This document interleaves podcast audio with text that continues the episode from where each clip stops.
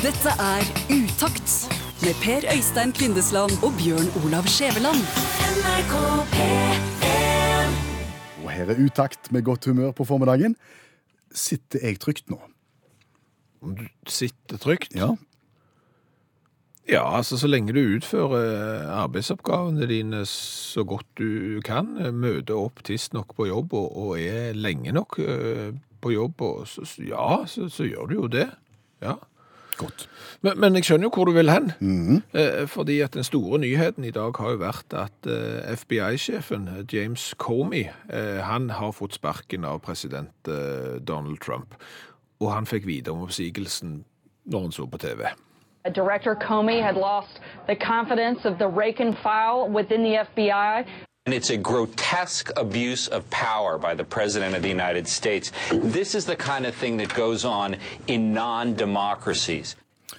FBI-sjefen har fått sparken. Og uh, upolitisk kommentator i Utakt, Bjørn Olav Skjæveland. Ja. Hvordan kommenterer du dette? Nei, det er ikke lett å, å, sitte her i studio og felle en dom over dette. Kritikere har jo ment at president Trump eh, han misbruker da makta si ved å, å sparke en mann som har etterforsket han. Men, men uansett, det er detonert ei, ei politisk bombe i, i Washington. Om sparkinga er rett eller galt, det, det er vrient å si. Men som upolitisk kommentator, hva kan Ja. du da si?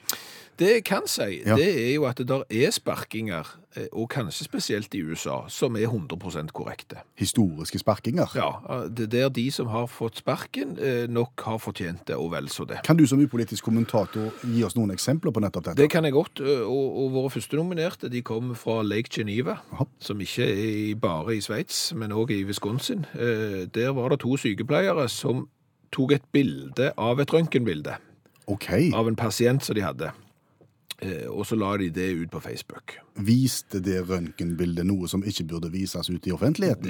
Det kan vel ting som tyder på det. Det- Den her aktuelle pasienten skal visstnok da ha hatt et sånn et legetøy, så, så postmannen sikkert ville kalt det for, altså en, et seksuelt hjelpemiddel som hadde satt seg fast. Det hadde kilt seg. Ja, det hadde kilt seg i endetarmen, og, og dette røntgenbildet her eh, skal visstnok sykepleierne ha lagt ut på Facebook-sida si. Og fikk sparken. Ja. Rett og rimelig. Rett og rimelig. Eh, Hvis vi går til pizzaplassen Domino's, med fremdeles USA, Michael Setzer og Christy Hammonds, eh, de hadde fått seg videokamera. Det syntes de var gøy. Så da tok de og nøys på noen smørbrød og filma dette. Eh, De, de rengjorde annet ei pizzapanne med en svamp som de først hadde brukt til å tørke sin nakne bakdel med. Nei, nei, nei, slutt. Eh, La det ut på YouTube, ble, et in, ble en internettsensasjon. Eh, De har ikke jobb, og, og de er også straffeforfulgt. Fortjent, vil mange si. Sør-Afrika har også sine eksempler på folk som har fått sparken, kanskje fortjent. Ikke kall sjefen din for serierunker på Facebook. Facebook går igjen her. Eh, Går vi tilbake til USA, John Haplin jobba for eh, New York sitt skoleverk i 21 år, men ikke mer. Det, det, det stoppet på 21. Det, det gjorde det fordi at GPS-en på mobilen hans viste at han åpenbart ikke hadde vært på jobb i fem måneder. Au. Han hadde fakturert for ting der han umulig kunne ha vært eh, på, på stedet. Så det skal du ikke gjøre. Nei. Du skal heller ikke følge high school-lærer Beth Ann Chester sitt, ja, det som hun gjorde. Hva gjorde hun? Hun sendte nakenbilder av seg sjøl til en 14 år gammel student. Da ber du om sparken. Det gjør du òg hvis du er ambulansearbeider på Staten Island, vi er fremdeles i USA, og, han la ut et bilde av en som var drept eh, på Facebook. Da mister du eh, jobben. Og er du mann fra Michigan eh, og har problemer med, med, med å holde deg, Med å holde deg. ja, hvis du er tissetrengt, oh, ja. så skal du ikke tisse i vareheisen. Nei. Han jobbet da for IRS, eh, den amerikanske skatteetaten, denne mannen, og, og ble tatt fordi at det lukta så urin i vareheisen. Han lot vannet i vareheisen. Ja, men med gjentatte anledninger. Og til slutt så, så måtte de sette opp et overvåkingskamera for å finne ut hvorfor lukter det så tiss i, i vareheisen. Og da så de at det, jo, det er fordi han er inne og gjør fra seg der. Det skal du heller ikke gjøre. Eh, Du skal passe på at hvis du baktaler sjefen, eh, så skal over en telefonkonferanse eh, være nøye med at begge har lagt på røret. Når du er ferdig.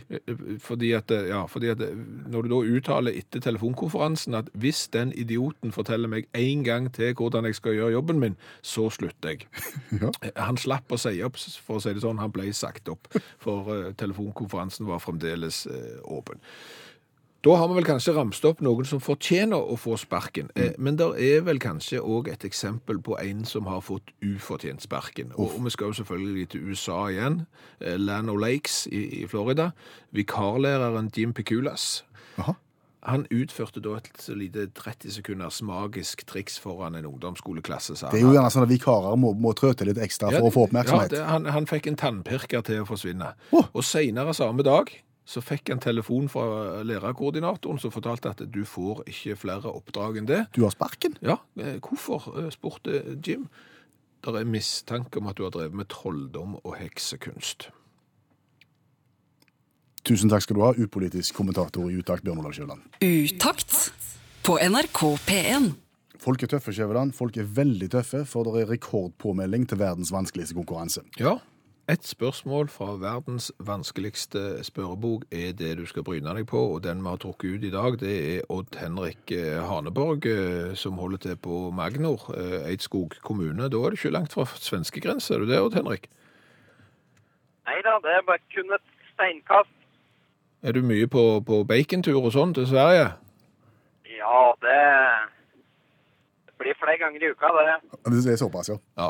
Jeg har prøvd å trekke av det på selvangivelsen, jeg, altså bortfall av muligheter til å reise til Sverige og spare penger på bacon, men jeg har ikke fått godkjent det trekket der. Nei, det har ikke jeg heller.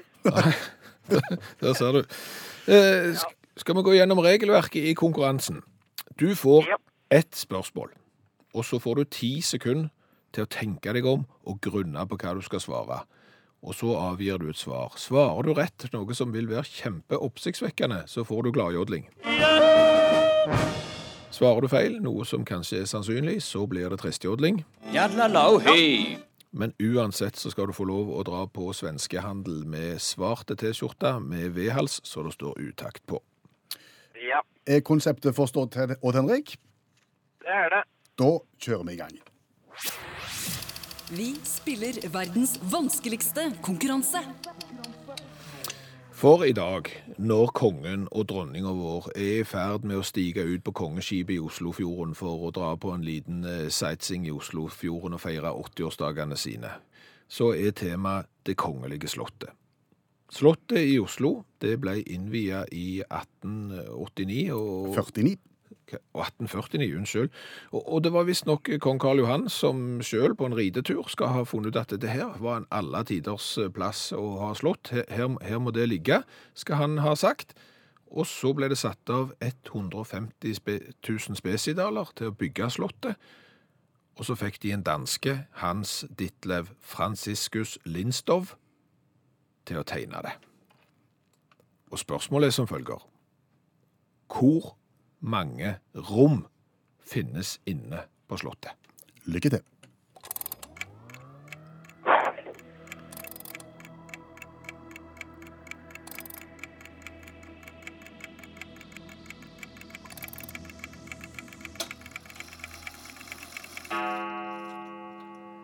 Vi må be om et svar, Odd Henrik.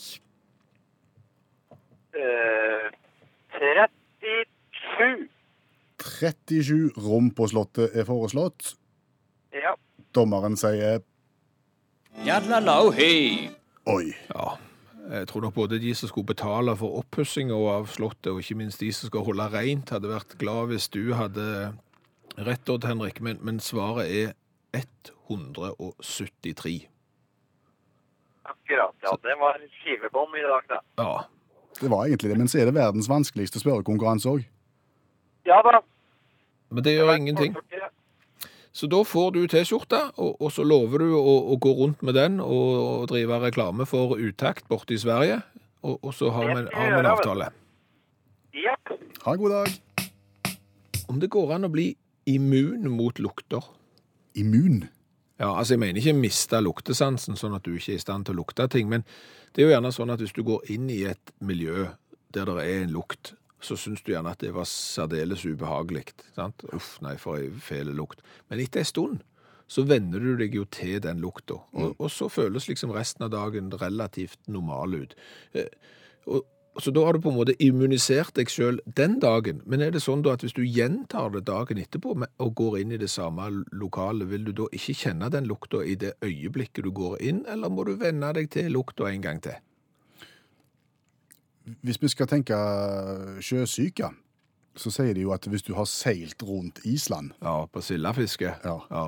Så blir du immun mot sjøsyke. Altså Det tar sin tid, du må gjennom ganske mye, men så, Ja. så forsvinner denne ugne følelsen.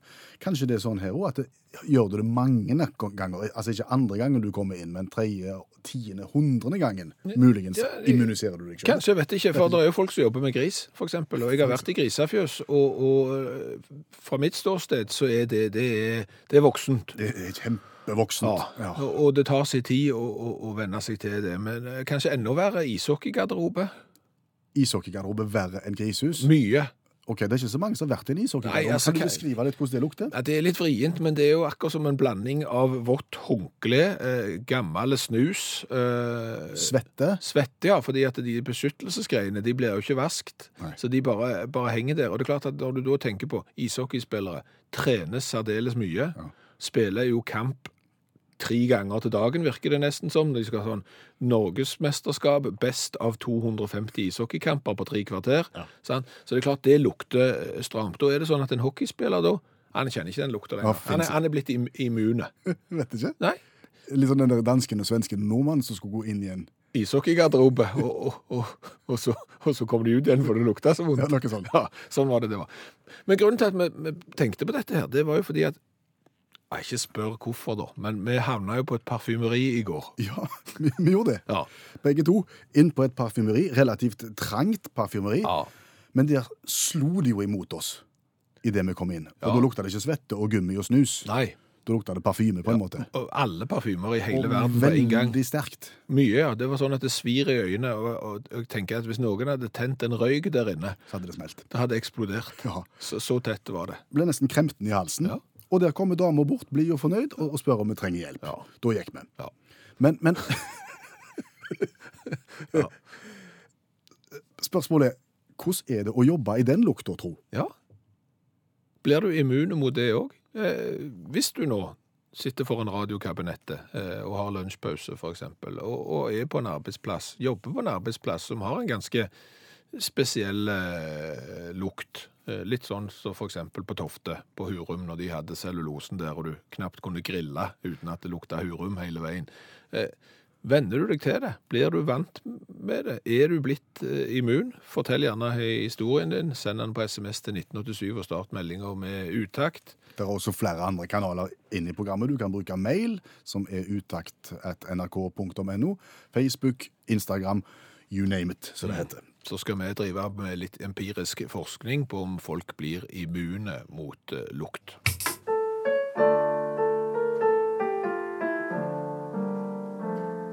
Utakt synger på siste verset. Så gjør vi så når vi hjem at det går, hjem at det går, hjem at det går. Så gjør vi så når vi hjem at det går, tidlig en søndagsmorgen.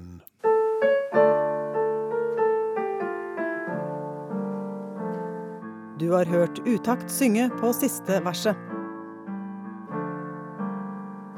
Er det mulig å få noe sjørøvermusikk? Det skal vi fikse.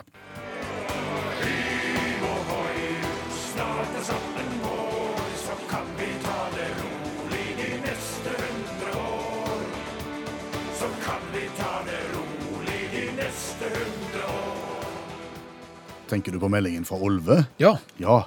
Olve fra Telemark har sendt en melding. Eh, sier at han eh, har sett en del på Disney Channel i det siste. En serie som heter Jake og sjørøverne. De er snille, men de kaller seg sjørøvere allikevel.